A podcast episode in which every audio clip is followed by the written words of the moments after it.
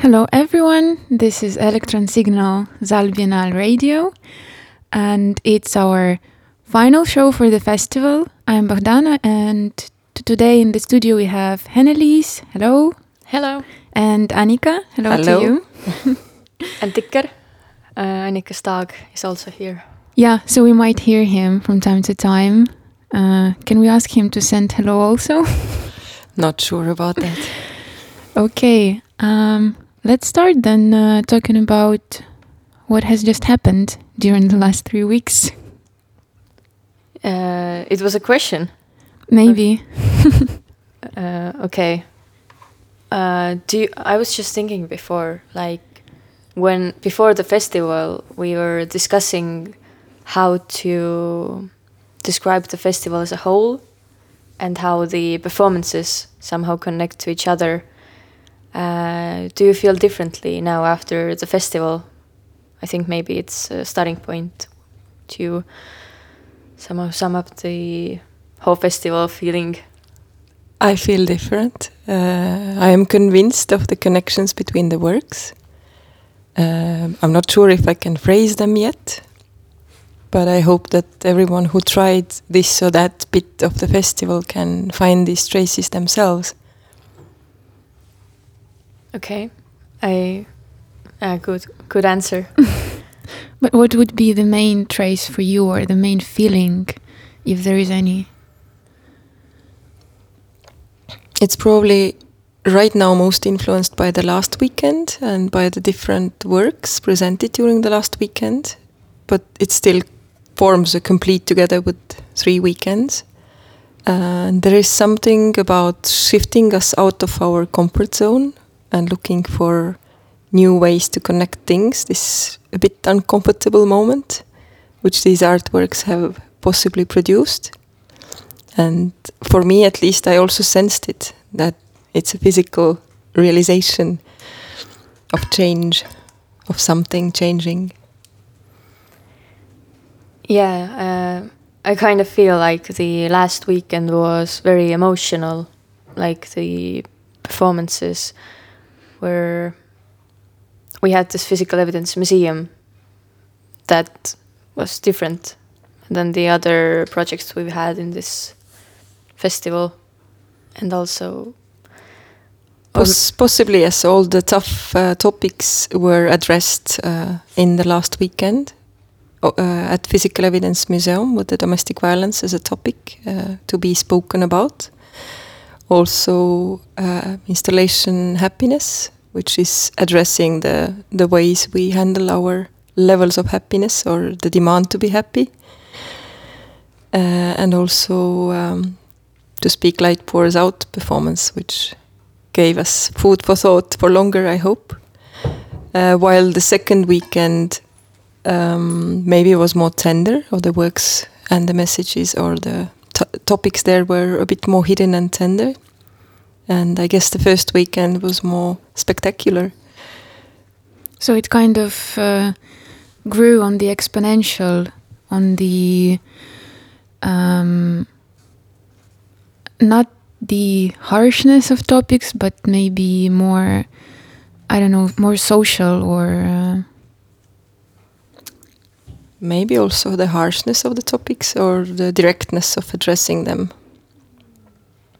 And how do you feel uh, this kind of order of uh, of them in the program?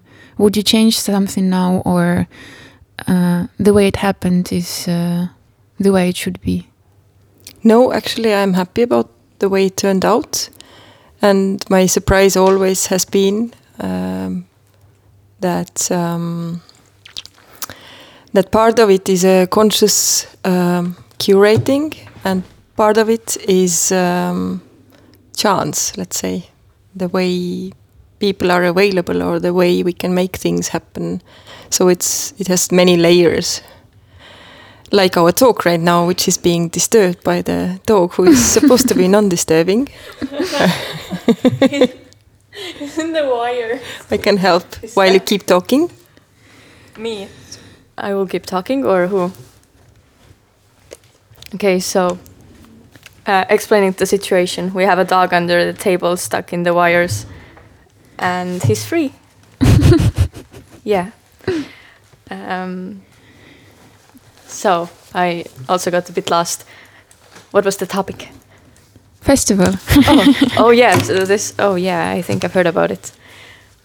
But it was also be cool to hear your reflections on it, Heneliis, because for you it's the first time. You're like a white paper for us.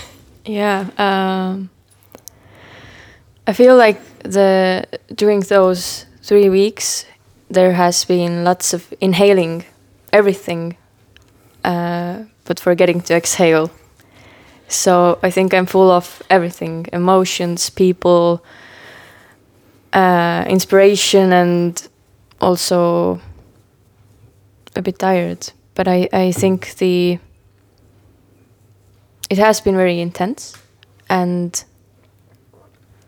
and I think I agree with the how you describe the structure how we began like the first first the first weekend how it was uh, which performances we had on the first week first weekend and then on the second. And now I feel like the last one was the most intense for me performance and project wise. Because uh, people came out came out from physical evidence museum emotionally very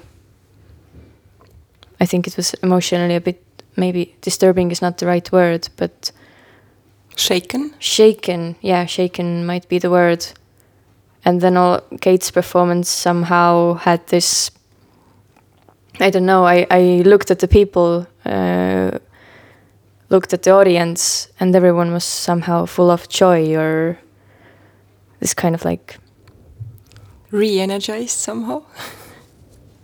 Yeah maybe. Maybe.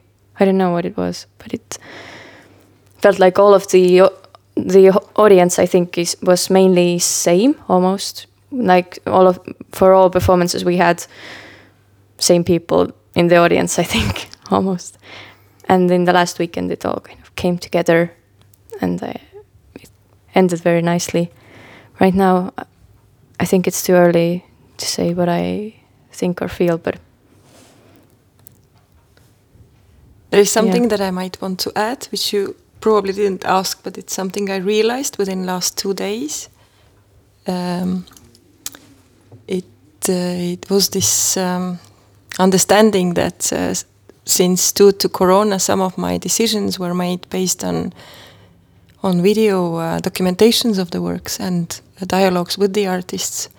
Then there was an extra extra layer of um, anxiety in me while hosting them, um, which I had uh, never understood earlier. That the risk that I take is connected to the fact that um, when I make my artistic decisions as a curator, I'm not only evaluating somehow the work of the artist or its urgency, I'm also counting in uh, intuitively somehow how I listen to the audience during the performance. So when I had to make choices based on video, I was lacking that information which would support my decision. So when I went into the performance here, then I was as excited or as uh, nervous as the artist or the audience because it was my first encounter to read the completeness of the performance. Uh, so I was happy that some of the works were here several times, which means that the first time I was busy reading and trying to decide whether my decision is really grounded and makes sense, and the second time I could go there and actually enjoy the artwork for myself. And so, how was with the, most of the performances that were these decisions based on documentation? Do you feel that they were grounded? I think they made sense in the end. There was just this extra, extra layer of uh, anxiety. It was weird to see actually, because I remember with one performance you were. I, I remember you being nervous, and I didn't really understand it. Like, why are you? Why are you nervous? It's you are not a performer nor uh, the artist that you shouldn't be nervous. But when you explained this, then it also made sense. But it's of course you don't know exactly what happens when it's a premiere, but then you're ready for the jump. While this realization was new to me, the video based. anxiety realization. How does it, but how does it feel now for you, Annik, and also for you, Bohdana, with the festival radio ending and, or is it too early to ask? Too early to ask from me, because I would like to take time and contemplate and dive deeper into the signal radio shows. Uh, I've just been super happy that something that was born out of a moment took such a cool form and really took place. So I'm very thankful to you guys. Thank you for making it all happen. Yeah.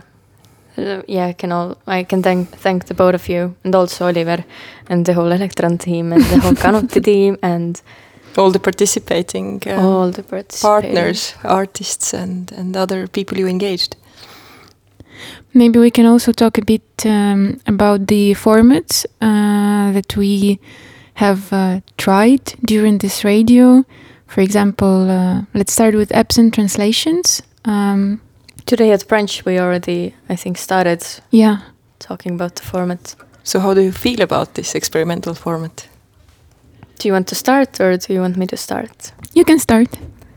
Um, okay, where it got us was we were me and Bohdana were discussing like what to do next. Uh, what formats can we use again or in some other context? And then about the absent translation, um, I think it was the trickiest one uh, because even in we had uh, translations right after the performance, and we had one during the performance, Malar and Telliskivi, and uh, and the text translation. But I feel that um, the one we did most often uh, was that one audience member stays in the room for some time, and I really I understand that for the person doing it, it's uh, hard because you're trying to if the audience stays together in this room i don't know going for a smoke outside everyone's standing there and you've experienced the same thing and you can say that your heartbeats have synchronized and you are in this same rhythm but then you stay alone in this ru- room and try to explain what just happened but you really haven't had the time to really let it sink in. So it's maybe harder to verbalize your thoughts because it's just feelings at this point somehow just jumping around in your head. So i think it's um, maybe for a quite narrow audience who is willing to go on this uh, journey with the absent translator I guess it also points out the fact that um, this type of performing arts pieces need different digesting time or they cannot be reflected on immediately because the form needs to be somehow grasped and you need to find ways how to reflect on it. It's not there uh, by, by granted. It's, it's a separate chapter that you need how to reflect on it probably. But it was also a quite nice challenge um, for our radio team with this format because it needed lots of adjusting. For example, when we had this, uh, when we realized that it's difficult to do the absent translation during the performance, which which was the initial idea, then we had to find ways to do it in some other way. And also, when we were uh, doing the absent translation from Malar, it uh, like it was windy and the sound kept coming in and i feel like there was lots of adjustments that we had to do but i think the whole radio kind of matured thanks to that. We got this opportunity to play around and uh, be spontaneous and accept it that things can go wrong but it's i really liked it in the end that it's uh, uh, real I actually really like that you point this out because this is something I've been thinking of a lot during the corona year and in regards to our work. That I think there is a bigger necessity to be able to be flexible, to change and to let go and somehow enable this change uh, for all parts of, of our work. Yeah, and this is what I liked uh, about the radio formats also that we didn't have like specific rules or really fixed um, box walls of uh, how it should be done. And when people who we were asking to do some of the shows, they were asking, okay, so what do you expect exactly? Like, how should I talk? Or at what time should I call? Or what exactly should I talk about? And we would just answer, well, whatever you feel like, or whatever is going on in your head. And uh, in a really free forms, we wanted to see what other people could bring in or what they could experience from the performances or from working with documentation. Because if we would put just this uh, really straight rules or what we want to hear, then it would be completely not it. I feel like uh, Signal is uh, a radio of thoughts that haven't had the time to sink in. Like uh, we have always focused on the process instead of the destination, because we also could have chosen to do the absent translation maybe four days after a person has seen the performance, and then uh, they come to the studio with a paper full of notes and a prepared speech about what they thought, and also the talk format was not about the finished product, the performance, but about the photos and the text and the people doing this or who participated in this format. Any of them hadn't seen the performance.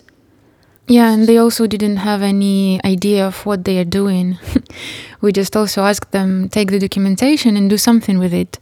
And that's also, as we talked in uh, the conclusion doc talk, that uh, it opened a lot of ways of what we can actually do with documentation of uh, artworks and that it shouldn't stop at the promotion uh, of the art piece and that what artists are doing while documenting their work could have much more other outputs or other influences and uh, ways of contributing to something else that it could be this uh, constant process of recycling, redoing, reusing, that from which something really new and unexpected can come out, which I feel happened uh, during the shows that we had with the doc format.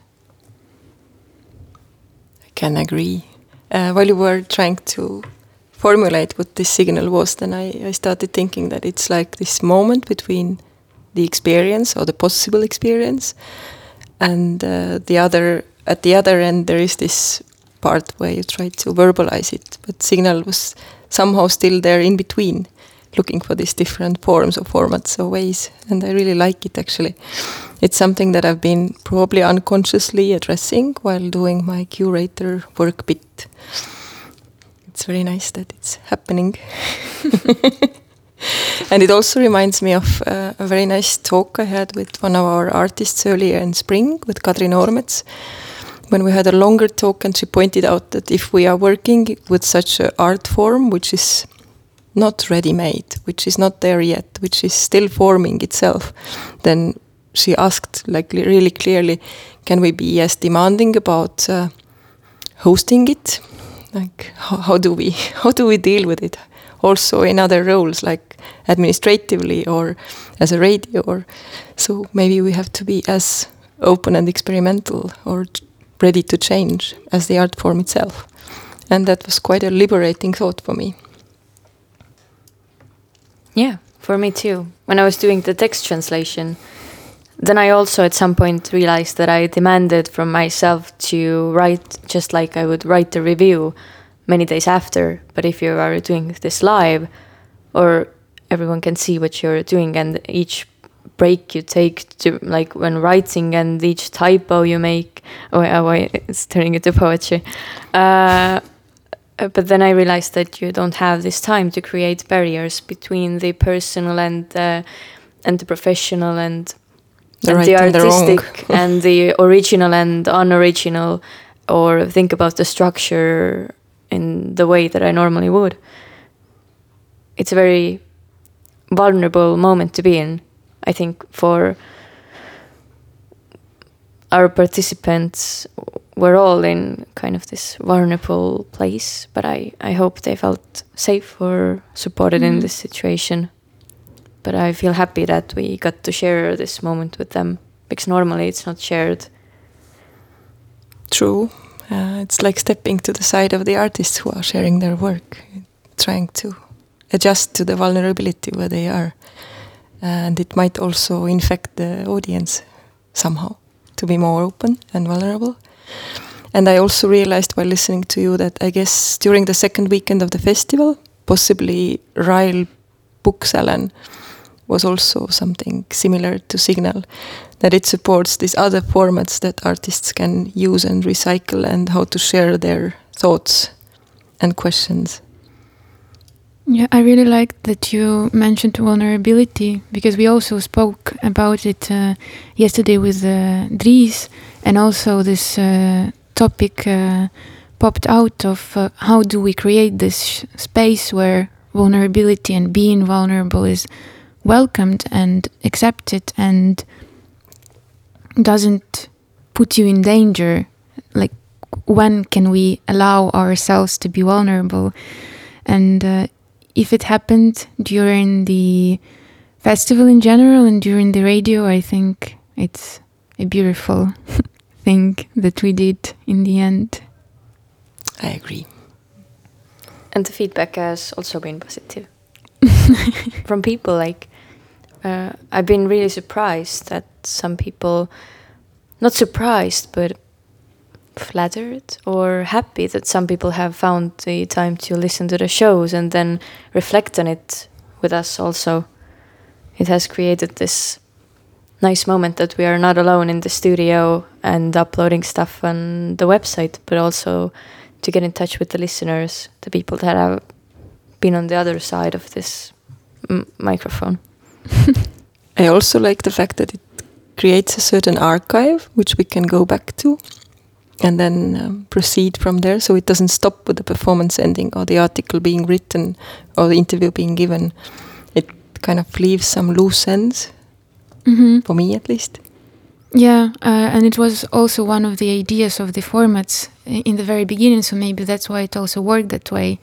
That uh, we thought of doing the shows that would work as extensions of the performances and of the festival program in general, so that it, yeah, creates like this uh, holes into, I don't know, other universes or other dimensions uh, through, through which you can go through and through which audiences can keep on going through. I was uh, just thinking that Oliver Isak, uh, the third curator of this radio project, uh, he couldn't be here today, but I just he had one ques- question that I thought I would ask. Um, he mentioned that last time when you were when we had the intro talk, uh, then you talked about the power of the festival, and uh, then he wanted to know that uh, Annika, do you feel that uh, voices you wanted to be heard got hurt, uh, got under the skin and into the minds of the audience? Maybe that's too early to answer that, and uh, I'm not sure if I am the right person to answer that. But um, judging on what I read out of the audience while being present with them in the same room uh, while the things were happening, I think it it it happened. Me too. uh, I feel I felt there was some kind of a synchronizing uh, with the audience that has been following us for three weeks. Then in the end, I felt like it was this um, one bunch of people with some extra people uh, during some performances, but it kind of moved from one one performance one evening to another, and I felt like it was So in this sense, I think the festival magic happened. That uh, festival created a certain temporary community, and they had a certain shared sense of time and space. And and Yeah. getting into the minds of people i feel uh, the feedback that we got for uh, about Physical Evidence Museum, there were many people who aren't normally my I don't know going to Kanuti. There were many people who told me that they've never been to Kanuti and they've never been to SAAL Biennaal, but they found us with this project. So I feel like we also Made got into the minds Mhm. of some people that whose minds we're usually not in. it didn't make any sense. No, it does make sense. We reached a bit out of the usual um, circle, let's say. Yeah. We're approaching the end of our time for this show already. Do you feel like you want to add something or to leave in this audio archive to get back to later? Maybe it's even a question, if not a statement or